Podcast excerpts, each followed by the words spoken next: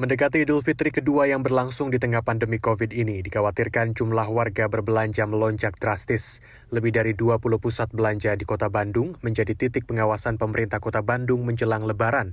Jumat 7 Mei, kawasan Pasar Baru, Dewi Sartika, dan Kepatihan tampak ramai. Pengelola pusat penjualan pakaian di Kepatihan mengatakan, lonjakan jumlah pembeli terjadi sejak dua pekan lalu. Jumlah pembeli meningkat lebih dari 30 persen. Selain penerapan protokol kesehatan secara ketat, pengelola juga mengatur alur keluar masuk pengunjung dalam tiga lajur dan menyiagakan Satgas COVID-19 secara internal. Kalau untuk dari Satgas COVID sendiri, kita dari internal manajemen maupun dari uh, teman-teman dari yang security, teknisi juga kita ada Satgas Covid sih. Jadi eh, kalau untuk internal kita sendiri, kita ada Satgas Covid, kita juga dibantu dari kepolisian yang kita sediakan di sini. Keramaian juga terlihat di pusat belanja di kawasan Dewi Sartika. Tempat berbelanja bahan pokok dengan kapasitas 4.000 pengunjung ini selama pandemi hanya boleh dikunjungi sekitar 2.000 orang. Mengantisipasi bertambahnya pengunjung yang berbelanja keperluan hari raya, pengelola pusat belanja membatasi durasi berbelanja dengan pemberian stiker khusus bagi pengunjung sebelum masuk. Jadi stikernya itu berbentuknya jam belanja untuk konsumen.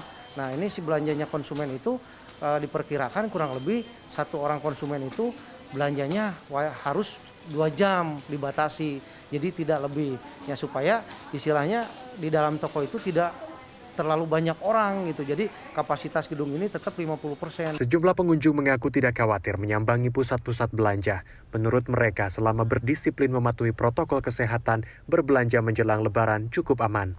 Cuma kita eh, jaga prokes juga ya, mengikuti prokes pemerintah, pakai masker, terus tadi kan cuci tangan dulu, pakai hand sanitizer, tes ini juga ya suhu. Terus eh, suasananya juga tidak terlalu ramai karena dibatasi waktunya. Nah, kita ikutin prokes, pakai masker, terus masuk ke area area mallnya juga pakai hand sanitizer, cuci tangan. Jadi nggak terlalu khawatir? Ya? Nggak, nggak khawatir. Yang penting yang dijaga prokesnya? Iya, prokes dan jaga kesehatan juga. Menurut Kepala Satuan Polisi Pamong Praja Kota Bandung, Rasdian Setiadi, mengawasi mobilitas warga di lebih 20 pusat belanja ini tidak mudah.